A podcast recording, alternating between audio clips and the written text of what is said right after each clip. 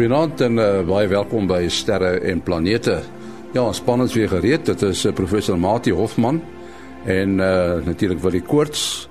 Kobus Olkers hier vir ons nuus oor die ruimte weer. Maar eers ander nuus wat geskryf is deur Herman Turin in Bloemfontein. Byna 4 miljard jaar gelede, toe die maan en die aarde omtrent die helfte nader aan mekaar was as nou, het 'n stuk ruimterommel wat groot genoeg is om as 'n protoplaneet geklassifiseer te word, die maan teen 'n groot spoed getref. Die protoplaneet was na raming so wat 250 km in deursnee en het die maan getref om die gebied bekend as die Imbrium kom te veroorsaak. Dit is die man in die maan se regteroog. Voorheen is gemeen dat die oog deur 'n ruimtevoorwerp van so wat 80 km in deursnee veroorsaak sou gewees het. Nuwe berekenings van die letsels wat van die oog af uitstraal, het egter op 'n veel groter voorwerp gedui. Die navorsers het onder meer 'n groot kanon van NASA ingespan om soortgelyke impakte te vorm. Wetenskaplikes was verbaas toe dit uit die tuig Dawn se beelde van die dwergplaneet Ceres blyk dat die oppervlak besonder glad is. Die wetenskaplikes het gemeen dat Ceres vol letsels van impakkraters sou wees. Ook rekenaarmodelle het aangetoon dat Ceres baie meer impakkraters van verskillende groottes moes hê, waaronder so wat 15 met 'n deursnee van 400 km of meer moes wees. Daar is egter nie 'n enkele van hierdie grootte nie. Verskeie moontlikhede waarin ys 'n rol kon speel om die letsels te laat verdwyn word genoem. Die wetenskaplikes het nog meer tyd om die misterie te probeer opklaar deurdat Dawn se sending van Ceres tot 2019 verleng is. Tot sover dan ruimtenis wat geskryf is deur Herman Turin in Bloemfontein. En nou skakel ons oor na Kobus Olkers in Florida, Amerika. Goeienaand en goeienaand luisteraars. Ja, dit lyk vir my asof ehm um, Ons vertrekkende aktiewe area waarvan ons verlede week gesels het, het dit presies gedoen soos ons gesê het en hy het vir ons 'n redelike groot koronamassa uitbarsting gegee net toe hy oor die rand van die son is. So dit was pragtig om te sien, maar hy het niks aan ons gedoen nie. Ehm um, wat hierdie week aanbetref, uh, is daar een klein sonvlekkie. 'n Mens kan hom skaars sien in die wit lig. Hy's sigbaar op op die magnetogram en hy's kompleks genoeg om vir ons dalk in hierdie periode van hierdie week 'n klein M-klas fakkel te veroorsaak. So verwag maar 'n klein ietsie, maar is nog glad nie geo-effektief nie. So as daar iets gebeur, sal dit net ekstrale wees en dit sal dus net die ehm um, ionosfeer beïnvloed. Verder het ons ehm um, twee redelike groot korone gehad hierdie week. Amper die hele noordelike halfrond en hy lyk vir my meestal noordwaarts georiënteerd en dan 'n groot een in die suidelike halfrond van die son. Hy het het heelwat negatiewe komponente in hom en ek dink hy kan dalk ons uh, geomagnetiese sfere bietjie beïnvloed. Ons het geen ek voorsien geen probleme met met internet of enige soets of met uh, eh, GPS of so nie maar ons kortgolfmense gaan dit wel deeglik agterkom Dan het ons sommer 3 filamente wat so langs mekaar soos soos drie soldate in 'n ry staan staan. Ehm um, hierdie ouetjies lyk vir my relatief onstabiel en hulle kan vir ons verdere onstabiliteit gee bo-op wat die koronagate vir ons bied. So uh, ek sien ek voorsien probleme vir ons mense met onstabiliteit wat radio-ontvangs uh, gaan aanbetref. Dit kan dalk self so ver gaan om GPS effens te beïnvloed. Mense weet nooit dalk 'n bietjie internet ook. So uh, absolute absolute teenoorgestelde van verlede week en alhoewel die son op die oog af heeltemal skoon lyk van golwe is daar ander uh, aktiwiteit wat uh, wat ons nou kan agterkom met 'n mens uh, kan sien as jy as jy satelliet uh, beelde gebruik om daarna te kyk. Dankie Kobus Olkers in Florida, Amerika wat vir ons die ruimte weer hanteer. Ons span is weer gereed. Dit is uh professor Mati Hofman van die Universiteit van die Vrye State, die Boden Sterrewag en die Digitale Planetarium. En dan ook uh, Willie Koorts van die Suid-Afrikaanse Astronomiese Observatorium. Ons wil 'n bietjie vanaand gesels oor die aandster en die oggendster. Nou, daar is seker van u wat wonder hoekom sê ek nou aand en oggendster? Dit is eintlik maar dieselfde voorwerp En ehm um, dit is nie 'n ster nie, dis 'n planeet. Ons praat van Venus. Nou Venus is op die oomblik 'n uh, baie mooi voorwerp in die in die aand. Maar Venus is 'n interessante planeet, amper net so groot soos die aarde, nê, nee, wil jy?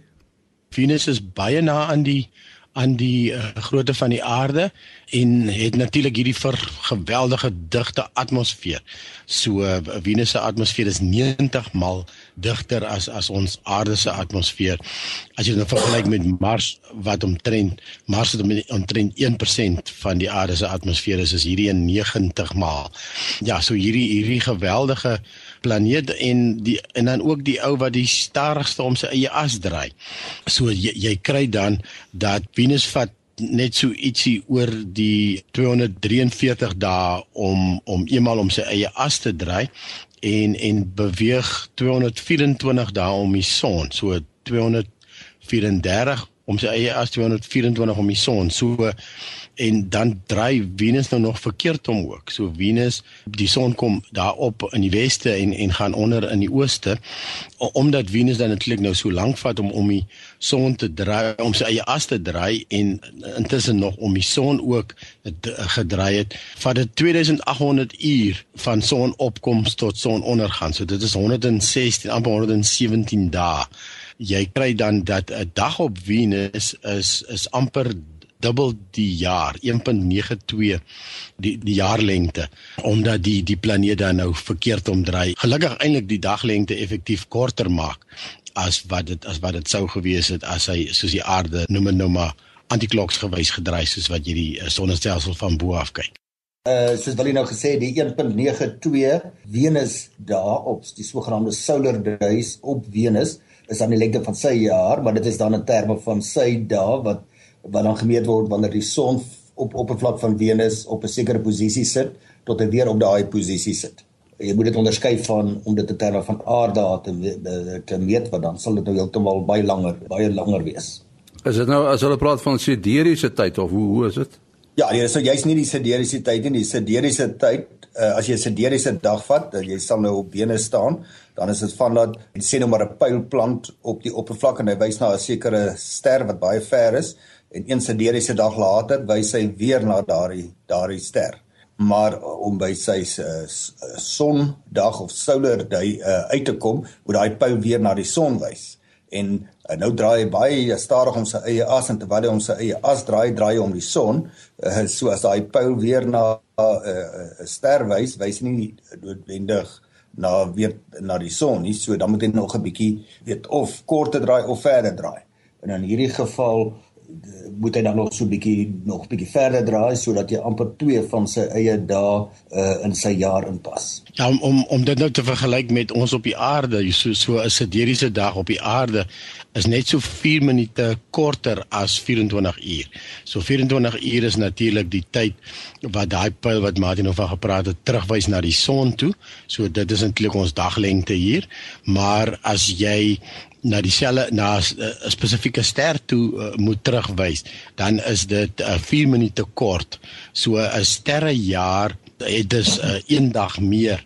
Uh so dis eintlik 366 en 'n kwart dag gaan die aarde in die ronde draai uh, om eenmal om die son te beweeg en weer terug te kyk na 'n ster. Ek ekskuus ek, ek, ek maak nou dalk die storie bietjie de mekaar maar dit is dan soos maar die gesê dis 'n deriese 'n uh, dag uh, gaan dan die tyd wees wat dit uh, na dieselfde ster terugwys en dit op die aarde is dit dan um, 23 uur 56 minute is 'n sideriese dag op die aarde.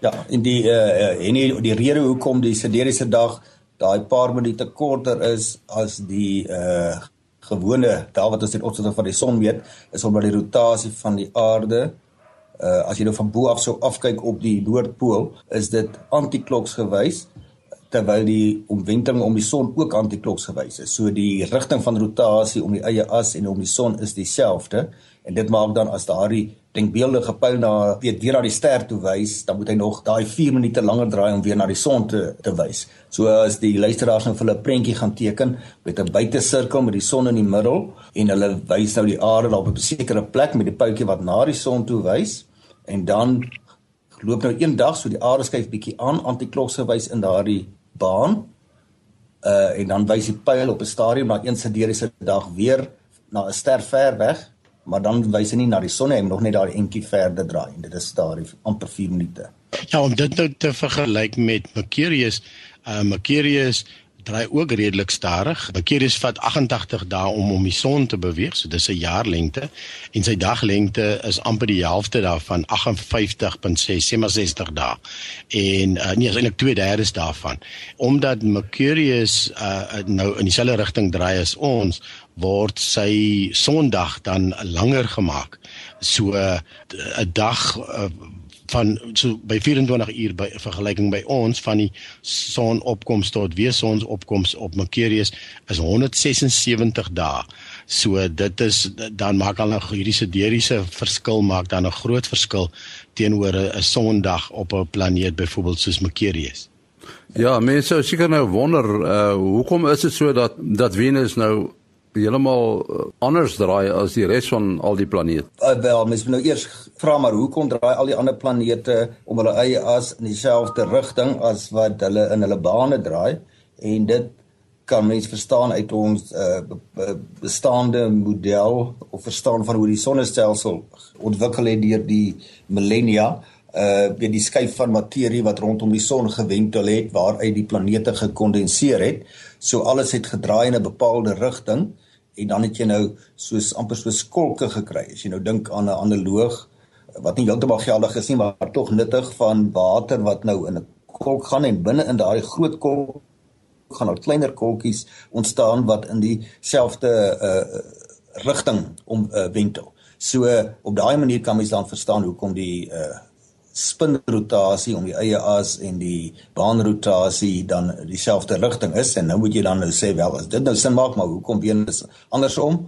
En uh, wel die enigste gangbare verklaring waarmee nog vorendag gekom het is om te sê wel dan moes iets baie groots uh, vergelykbaar met 'n planeet baie hard met uh, Venus gebots het en dit as ware amper sy rotasie gestop want hy draai nou baie stadig maar natuurlik was dit nou nie 'n presiese kansellasie van die rotasie nie. Hy nou nog daardie uh een omwenteling in uh kom ons kyk is mos 224 dae van. Ja, is dit uh, een van die ander planete ding, is dit nie Uranus wat uh, op 'n ander manier ook uh, na die son wys as jy mens kyk na sy uh, ekwator nie dat hy wys reg op die son en hy draai ook natuurlik uh, soos al die ander planete. Kyk as mens na die aarde vat, sy uh, sy as is gekantel uh, ten opsigte van die uh, ekliptiese vlak, die uh, vlak waarin die son roteer, maar nie in so 'n mate dat jy nie meer uh, die verband kan sien tussen die spinrotasie en die uh, en die baanrotasie in terme van dis in dieselfde antiklokse rigting nie.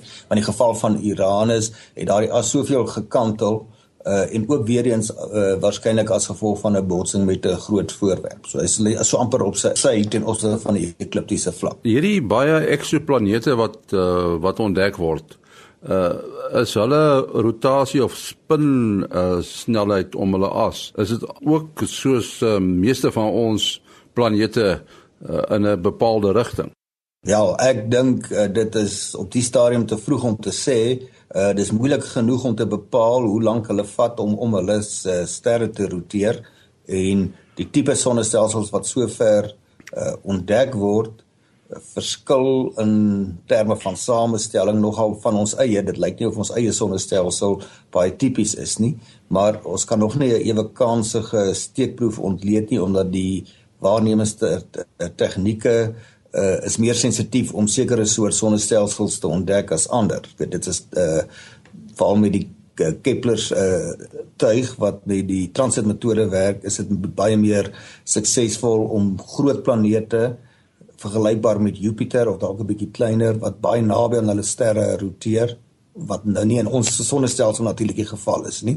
Hulle kan al 'n baie goeie ontleding doen van 'n groot aantal sonnestelsels en ek dink die totale uh, eksoplaneet amptelike telling trek nou hier oor die 2000 uh, maar oor die spin is daar uh, baie weinig inligting en enige beskikbaar. Want jy kan nie sien hy roteer nie. So jy sal waarskynlik uh, jy sal st uh, straling moet kry wat direk van die planeet afkom en dan sou jy nou moes golflengtes kon meet om met die behulp van die doppler effek die rotasie te kan bepaal. Dit kan hulle met sterre doen maar nie met uh, eksoplanete waarvan jy net in enkele gevalle lig wat vanaf die planeet self kom kan optel Ja, wil jy ons uh, praat nou so oor Venus, die aandster in uh, die geval soos dit nou is. Maar daar's 'n paar ander planete wat ook uh, baie mooi sigbaar is. Vertel ons net daarvan. Ja, dit is nou eintlik 'n besonderse tyd. Ons kan al 5 blote oog planete. So ons ons ken mos nou 8, maar 5 van hulle is met die blote oog sigbaar. Mercurius, Venus, Mars, Jupiter en uh, Saturnus. Verder het jy nou 'n teleskoop nodig. En baie maal is mense verbaas as hulle hierdie helder sterre sien uh, om te besef dit is eintlik ons uh, dis eintlik planete daardie. Ja, so dis nou eintlik 'n heerlike tyd van die jaar, soos dit nou uh, son nou ondergaan. Venus het nou so 'n maand terug verander uh, agter die son ombeweeg so 2 3 weke terug en is nou besig om uit die gloed van die son uit te beweeg soos jy net o gesê het uh, nou besig om die aandster te raak. Uh, so Venus sit nou die naaste daar waar die son ondergegaan het vroeg aand mense sommer daar begin soek. En uh, Mercurius sit so eentjie bokant uh, Venus dan Jupiter uh, uh, kan jy nie mis nie dis die tweede helderste Venus eintlik die helderste van al die planete Jupiter die tweede helderste. En dan as jy hier reg bo aan jou kop kyk uh, en dit goed lê almal mooi in 'n lyn. Ons het nou nog gesê van die sonnestelsel wat gevorm het uit hierdie skuif uit. En uh, sit Mars so 'n rooierige enetjie en dan Saturnus wat altyd so effens geelerig voorkom. So hulle lê dan nou almal in 'n lyn. Ek weet nie of mense dalk gisteraand opgelet het die wat nou lekker weer gehad het en gekyk het uh vir Mercurius wat ek sê wat nou eentjie bo kan Venus sit hier na die son Mercurius en Regulus het 18 boogminute op 'n stadium uitmekaar gesit. Nou okay, on, ons sal dit nou nie gesien het nie want uh, dit eintlik bietjie nader daaronder gegaan het. Daai so dit is die naaste vir jaar wat enige planeet aan 'n ster helderder as eerste magnitude uh, gekom het. Maar Woensdag aan, soos almal mense nou klaar gestem het, dan sal ons nou lekker uitgerus. Dan het ons 'n bietjie uitdaging vir die luisteraars. Dan gaan 'n baie baie baie klein skreefie mandjie uh gaan gaan verskyn. Jy sal definitief dalk 'n verkyker nodig hê. Dit gaan so eentjie onderkant Venus sit. So soek vir Venus tussen Venus en waar die son onder gegaan het, kort na son onder. En Suid-Afrika is nogal in 'n baie goeie posisie om hierdie hierdie uitdaging te kan sien. En dan donderdag aan die volgende aand, dan kan jy maklik die skryfie maan sien. Dan sit dit net mooi tussen uh, uh Venus en Mercurius. So as mense nog nie vir Mercurius dan gesien het nie, sal jy dit dan uh, kan sien. En uh Vrydag aand uh, sit Venus en Regulus Regulus wat ons nou gesê het gisteraand naby Mercurius gesit het intussen het die spel aanbeweeg dan sit Venus en Regulus weer 'n graad uitmekaar. So uh, lekker lekker om die westelike horison dop te hou in die laaste in die volgende paar aande. En en Mars is nog steeds uh, taamlik helder, né, nee, Mati? Mars is baie helder en hy vang mense oog. Is amper reg bo mense kop vroeg aan. Mens kan dalk net so bietjie oos kyk.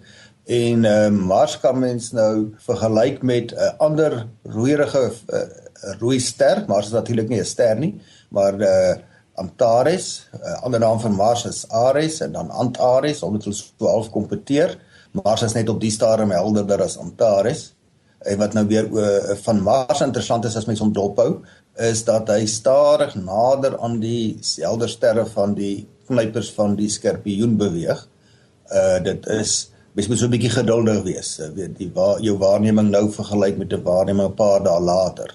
Uh as mens nou na Venus en Mercurius kyk soos wat uh, wil jy verduidelik het, dan kan mens van aand tot aand sien hoe hulle relatief tot mekaar en relatief tot die helder sterre uh, beweeg.